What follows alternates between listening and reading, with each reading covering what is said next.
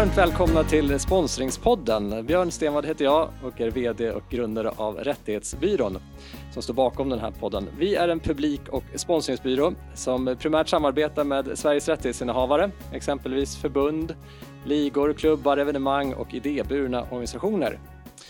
Med mig idag har jag mina kollegor Åsa och Frans. Åsa, berätta lite vem du är. Åsa Karlsson heter jag, jobbat tre och ett halvt år på Rättighetsbyrån, har min bakgrund från Stiftelsen Friends, Lagardère Sports och Arne Ljungqvist Foundation som jag jobbat på i många år. Men vem har jag med? Frans, vem är du mer?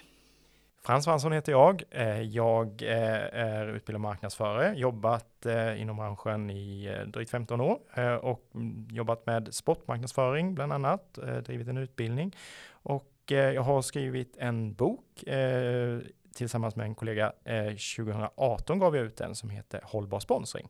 Lite kort om mig. Härligt! Vi på Rättighetsbyrån har en vision som vägleder oss i vårt dagliga arbete som vi satte när vi startade företaget 2010 och det är vision 10.2. Det var ju så att 2010 så omsatte branschen 5,1 miljarder kronor. Företagen investerade så mycket i sina sponsringssatsningar. Och vår vision är helt enkelt att Sveriges rättigheter ska dubbla sina intäkter från sponsring. Eh, I dagsläget då är omsättningen i branschen ungefär 7,7 miljarder kronor så att eh, vi är halvvägs framme vid den här visionen. Eh, för att vi ska bidra till branschens eh, utveckling på bästa sätt så gör vi olika saker, eller hur Åsa?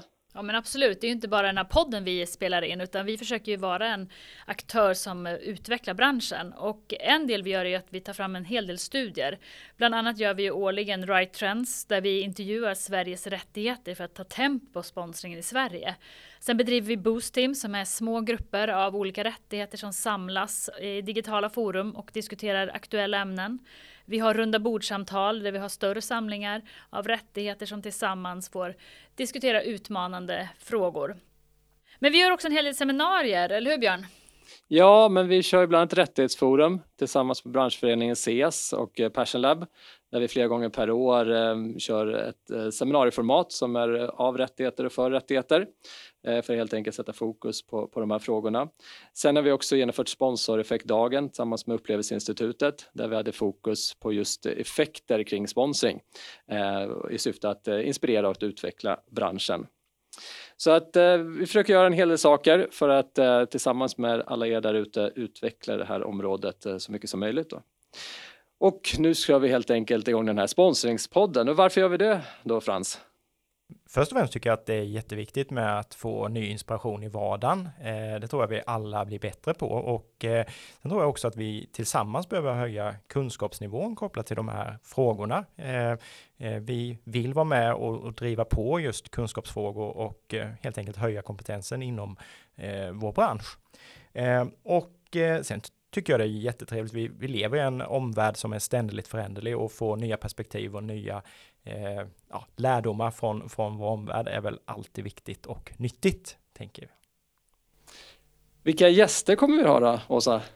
Ja, men vi kommer ju försöka ha en ganska bred gästlista och både från rättighetssidan, näringslivet, branschföreträdare, personer som kommer kunna skapa intressanta samtal och som vi inspireras av och som kan inspirera fler och eh, på, vi kan få lärdomar av helt enkelt. Så det ser vi fram emot. Härligt att höra. Ni ska känna er varmt välkomna att hänga med på vår poddresa framöver och ni får gärna hänga, eh, höra av er om ni har tips på gäster som vi ska intervjua. Så varmt välkomna så kommer vi höras vidare.